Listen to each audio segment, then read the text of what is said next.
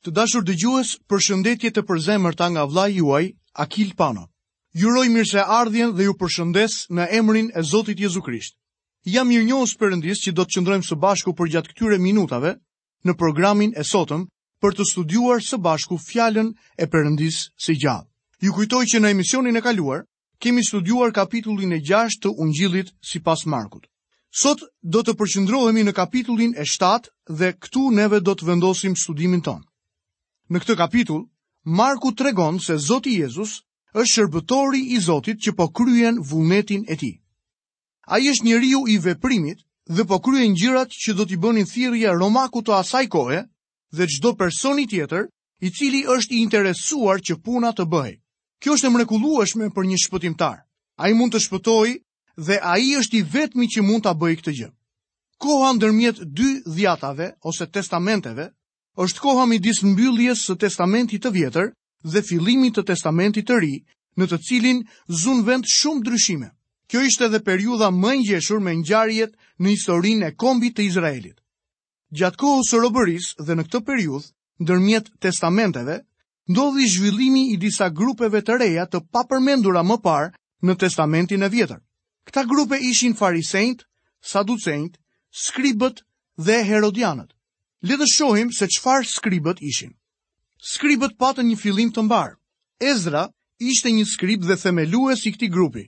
Ata ishin një grup profesional shpjeguesish të ligjit. Por gjithsesi, Në kohën e Zotit Jezu Krisht, ata ishin kthyer në vëzhgues të hollësive apo detajeve dhe ishin të interesuar më tepër në shkronjën e ligjit sesa në frymën e tij. Unë mendoj që ky është edhe sot një nga problemet më të mëdha që ne kemi. Në interpretimin e ligjit në këtë komb u fut edhe kjo metodë e vëzhgimit të detajeve dhe interpretimi filozofik, të cilat nuk ishin qëllimi i ligjit. Besoj se kjo është ajo çfarë doli nga disa shkolla të ligjit në lindje. Si rezultat, sistemi ynë ligjor dhe politik ndodhet në rrëmujën që shohim sot. Kjo i ndodhi fesë në ditët e Zotit tonë. Le të shohim se çfarë ishin farisenjtë. Farisenjtë ashtu siç edhe skribët patën gjithashtu një fillim të mbarë. Ata u ngritën për të mbrojtur mënyrën e jetesës hebreje nga të gjitha influencat e huaja. Ata ishin legalistë striktë, besonin në Testamentin e Vjetër dhe ishin nacionalistë në politikë. Ata kërkonin të sillnin ardhjen e mbretërisë së qiellit ose mbretërisë së Zotit mbi tokë. Le të shohim se çfarë na thuhet për saducenjtë. Saducenjtë u formuan nga një shtresë e shëndoshë sociale. Ata ishin të cekët shpirtërisht dhe donin të çliroheshin nga tradita. Mohonin supernatyroren dhe ishin kundra farisenjve të cilët e pranonin atë dhe testamentin e vjetër. Ata ishin të ngjashëm me grekët epikurianë. Herodianët Herodianët ishin një grup në ditët e Jezusit, i cili u ngrit si një grup politikanësh oportunistë. Ata ishin një grup që përqendroheshin dhe përpiqeshin të mbanin Herodin në fron. Ky sfond do të na ndihmojë të kuptojmë ngjarjen që vijon. Lexojmë vargun e parë në studimin tonë sot, kapitulli 7 i Ungjillit të Markut, vargu i parë. Atëherë rreth tij u mblodhën farisenjtë dhe disa skribë që kishin ardhur nga Jeruzalemi. Ju do të vini re që Zoti Jezus kishte bërë kaq shumë bujë, saqë këta njerëz u larguan nga Jeruzalemi dhe erdhën në vendin ku ai shërbente në Galile. Ata kapërcyen lumin Jordan për në zonën e Dekapolit, që është zona e 10 qyteteve. Lexojmë vargun e dytë deri në vargun e katërt. Ata vunë re se disa nga dishepujt e tij po hanin bukë me duar të papastra, domethënë të palara, dhe i paditën.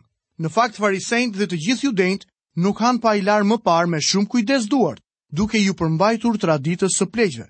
Dhe kur kthehen nga tregu, nuk hanë pa u pastruar më parë. Ka shumë gjëra të tjera që ata duhet të respektojnë për shkak të traditës, larjen e kupave të brokave të enëve prej bakri dhe të shtretërve. Le të ndalojmë për një moment dhe ta shohim këtë, sepse është shumë interesante. Rreth personit të Jezusit po krijohet një situatë e vështirë. Më sipër tek Marku kapitulli 6 dhe vargu i 30, lexuam që apostujt ishin mbledhur rreth tij dhe i treguan të gjitha gjërat që kishin bërë pasi vetë Zoti Jezus i kishte dërguar që ata të predikonin. Ata u kthyen dhe i raportuan atij. Edhe skribët dhe farisenjtë ishin mbledhur rreth tij. Ishte gati të shpërthente një konfrontim ndërmjet Zotit Jezus dhe dishepujve të tij me farisenjtë dhe ndjekësit e tyre. Një grup është i përbërë nga miqtë, ndjekësit e tij të cilët e donin, ndërsa grupi i dytë është i përbërë nga armiqtë e tij të cilët kërkonin ta shkatërronin Jezusin. Gjithmonë ka qenë kështu. Ekzistojnë dy grupe, ata që e besojnë dhe ata që e mohojnë Zotin tonë. Në cilin grup bën pjesë ti? Pyetja nuk është nëse je anëtar apo jo i një kishe, apo ke kryer disa ceremoni të caktuara.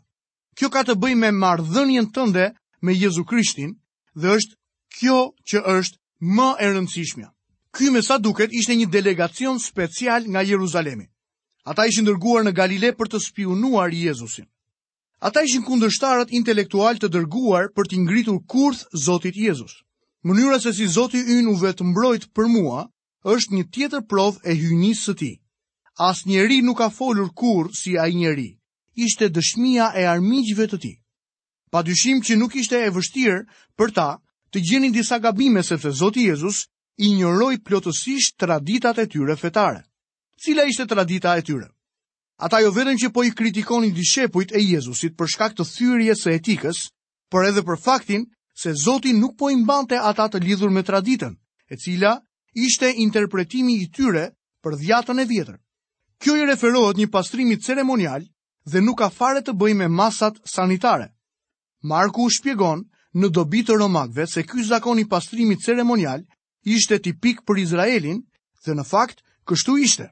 Zoti u kishte dhënë izraelitëve shumë informacion për pastrimin. Në Testamentin e Vjetër, në librin e Levitikut ka shumë udhëzime për pastrimin. Ishte shumë e rëndësishme sepse Zoti po u mësonte atyre mësimin e madh që një mëkatar duhet të pastrohet para se të shijojë miqësinë me Zotin e Shenjtë.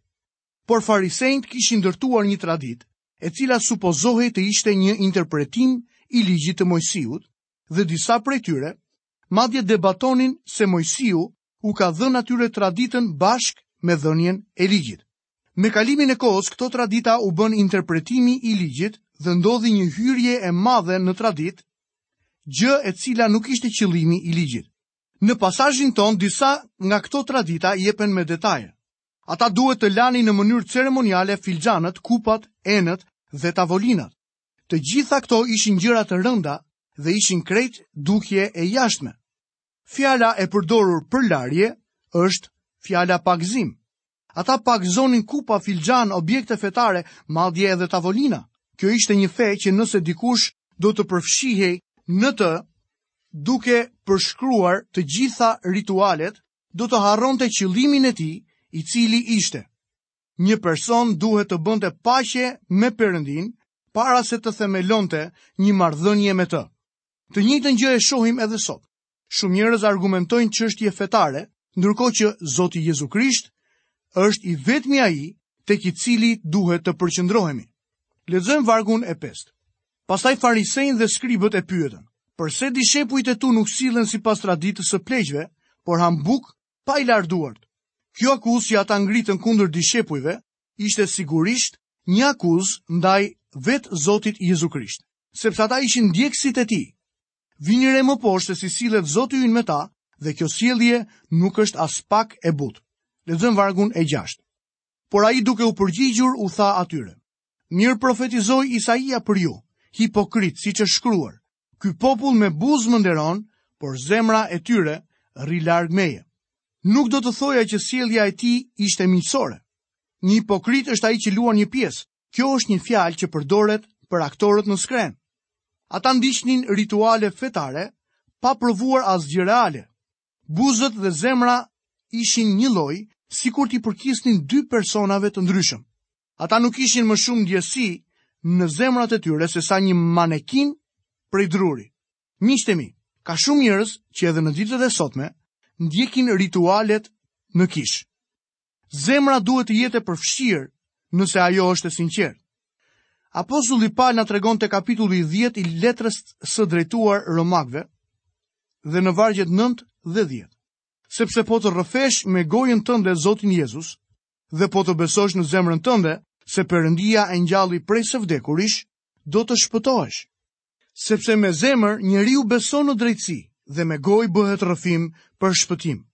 Njerëz, përfshihuni sot në besime, në rrëfimet në kishë dhe në adhurimin publik. Të gjitha këto mund të bëhen një çështje tradite, dhe jo një marrëdhënie direkte dhe personale me Zotin Jezu Krisht. Lexojmë poshtë vargun e 7. Por kot më bëjnë një kult duke mësuar doktrina, të cilat janë porosi nga njerëzit. Adhurimi është i pavlerë, kur fjala e Zotit zëvendësohet nga rregullat e njerëzve.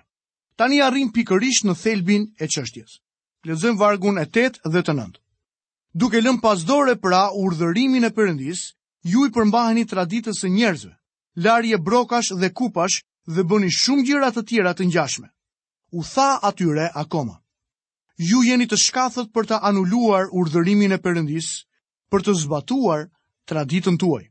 Këtu qëndronte e gjithë çështja. Ata po zëvendësonin fjalën e Zotit me traditat e tyre njerëzore. Një traditë mund të jetë në fakt e mirë kur vendoset për një arsye vërtet të mirë. Megjithatë, ajo bëhet e keqe kur zëvendëson fjalën e Perëndisë. Kjo u ndodhi edhe këtyre njerëzve. Mendoj se kjo është arsyeja pse shumë besime sot janë të ndara nga fjala e Zotit. Në fillim ata kanë zëvendësuar fjalën e Zotit me çfarë ato besojnë. Më pas ata e kanë zëvendësuar atë me fjalën njerëzore, mendimin njerëzor, ritualet e tyre të vogla, me fetë e tyre të vogla. Jo shumë kohë pas kësaj, fjala e Zotit flaket jashtë nga dritarja.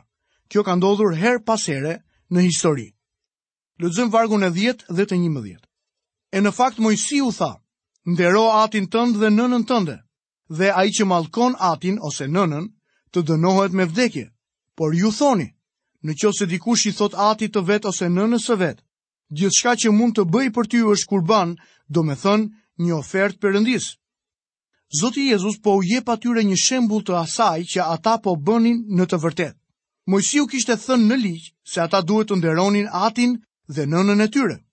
Por tradita e tyre i lejonte ata t'i shmangeshin përgjegjësive për prindërit e tyre. Nëse një njeri nuk donte të ndihmonte babanë dhe nënën e tij, kur ata të ishin të plakur dhe të ishin në nevojë, ai mund të dedikonte pasurinë e tij në tempull, veprim i cili quhej kurban, që do të thotë dhuratë. Me vdekjen e këtij njeriu pasuritë e tij i shkonin tempullit dhe ai çlirohej nga përgjegjësitë e tij ndaj prindërve.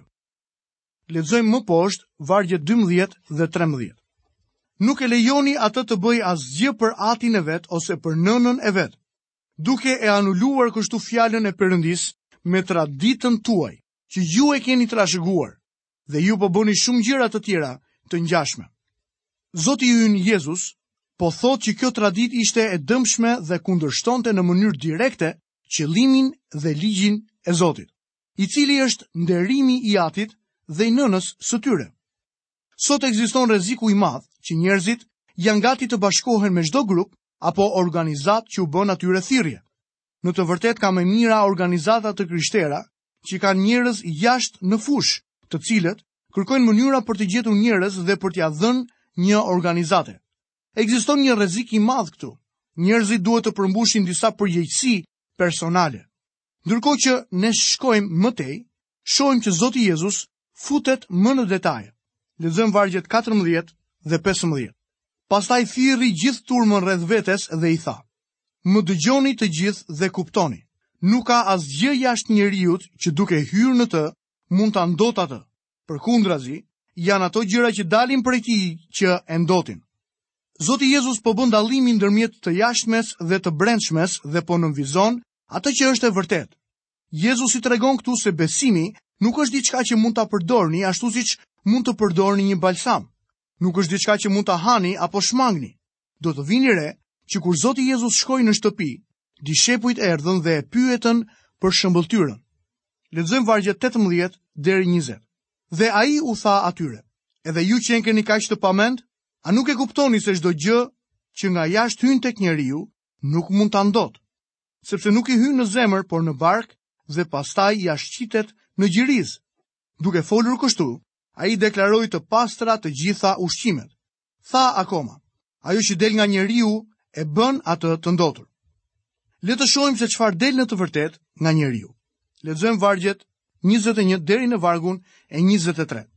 Sepse nga brenda, domethënë nga zemra e njeriut, dalin mendimet e mbrapshta, shkeljet e kurorës, kurvërimi, vrasjet, vjedhjet, lakmitë, ligësitë, mashtrimet, paftyrësia, smira, blasfemia, kryelartësia, budallallëku. Të gjitha këto të mbrapshta dalin nga brenda dhe e ndotin njeriun. Të dashur dëgjues, unë ju garantoj se nëse do të blini gazetën e mëngjesit, kudo ku mund të jeni, do të zbuloni se gjatë 24 orëve të fundit, nga njeriu kanë dalë këto gjëra.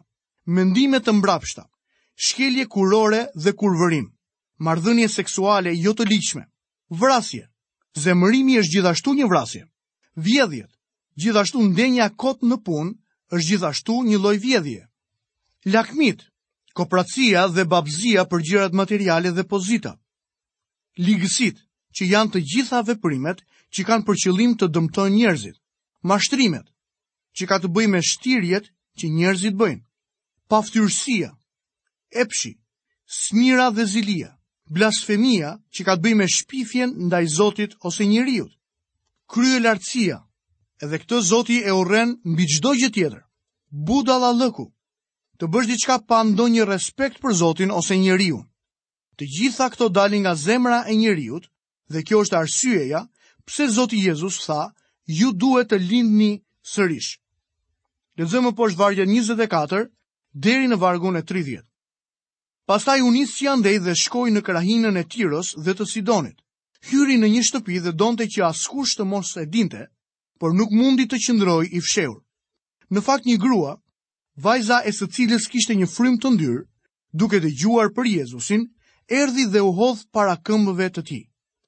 Tani ajo grua ishte greke, me prejardhje sirofonikase, dhe iu lut që ta dëbonte demonin nga e bija e saj. Por Jezusi i tha, lëri më parë fëmijët të ngopen, sepse nuk është mirë të merret buka e fëmijëve e t'u hidhet këlyshve të qenve. Por ajo u përgjigj dhe i tha, Mirë po flet, o Zot, por edhe këlyshët nën tryezë hanë thërrimet e fëmijëve.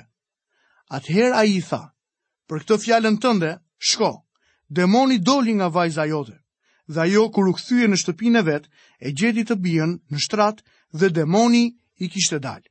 Këtë ngjarje e kemi parë edhe më parë.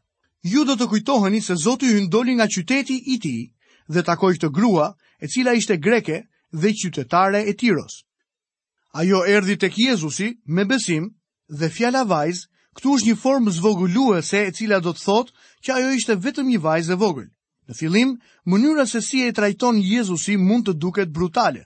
Por nëse mbani mend nga studimi i ungjillit sipas Mateut mbi këtë pjesë, ne treguam interpretimin i cili në fakt është zbulesa e një të vërtete të jashtëzakonshme. Mendoj që edhe këtu duhet të zbulohet gjithashtu diçka tjetër e jashtëzakonshme dhe kjo është saktësia e katër ungjijve. Kjo grua është një shembull i jashtëzakonshëm besimi tek dikush që jeton jashtë vendit të tij dhe Zoti ynë i përgjigjet kërkesës së saj. Dikush mund të pyesë nëse Zoti Jezus erdhi në këtë zonë vetëm për t'iu përgjigjur besimit të kësaj gruaje. Lexojmë vargun e 31. Mbasi u nis përsëri nga krahina e Tiros dhe e Sidonit, Jezusi arriti tek deti i Galilesë në mes të krahinës së Dekapolit. Zoti Jezus largohet nga Tiro dhe Sidoni dhe kalon nëpërmjet Dekapolit në rrugën e tij për në Galile. Dekapoli i përkthyer do të thotë 10 qytetet, një distrikt që përmban 10 qytete. Shumica në lindje të Jordanit, në zonën afër detit të Galilesë. Lista përfshin qytetet e mëposhtme.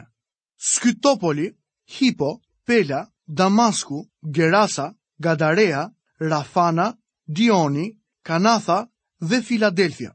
Kam qenë në rrënojat e Gerasas ose Jerish, siç quhet sot, dhe kam menduar. Ky është një nga vendet ku Zoti im erdhi dhe mësoi. Ai kishte një shërbesë të jashtëzakonshme në këtë zonë. Turmat kanë ardhur në këto qytete. Lexojmë vargjet 32 deri në vargun e 37. dhe i paraqitën një të shurdhër që mezi fliste dhe iu lutën t'i vënë duart mbi të. Si e mori veçmas larg turmës, ia shtiu gishtërinjtë në vesh dhe mbasi e pështyu, ia preku gjuhën. Pastaj i drejtoi sytë nga qielli, psherëtiu dhe tha: "Effatha", që do të thotë hapu. Dhe menjëherë iu hapën veshët, iu zgjidh nyja e gjuhës dhe foli rrjedhshëm. Dhe Jezusi i urdhëroi ata që të mos i tregojnë askujt, por sa më tepër ua ndalonte, aq më tepër ata e përhapnin. Dhe të habitur shumë, thonin, ai çdo gjë e ka bërë mirë, ai bën që të shurdhët të dëgjojnë dhe memecët të flasin. Mund të them se të gjitha gjërat që bëri Zoti Jezus u bënë si ndihmë për besimin e këtij njeriu. Së pari, iu hapën veshët në mënyrë që ta dëgjonte. Pas kësaj, ishte e qartë që nuk mund të mbaje turmën të qetë. Ishte kjo mrekulli që solli një shtytje të madhe në zgjerimin e shërbesës së Zotit tonë. Presioni mbi Zotin Jezus në këtë kohë nga ana njerëzore ishte i papërballueshëm. Pavarësisht nga ky presion, barra e turmave, tensioni i kohës, ditët e gjata e të ngarkuara dhe dobësia e trupit, turma tha, Ai çdo gjë që e ka bërë, e ka bërë mirë. Ne mund t'i shtojmë kësaj fjalën tonë të miratimit dhe të themi një amen të fuqishëm. Miqtë e mi, fjala e Zotit thotë se Zoti ynë është i njëjtë dje, sot dhe përjetë. Ai bën çdo gjë mirë dhe sot me secilin prej nesh. Të dashur dëgjues, me keqardhje ju them që kemi mbërritur në fundin e programit të sotëm. Ju kujtoj që të qëndroni së bashku me mua në programin e ardhshëm. Dhe deri atëherë, paçi të gjitha bekimet dhe paqen e Zotit Jezu Krisht në jetën tuaj.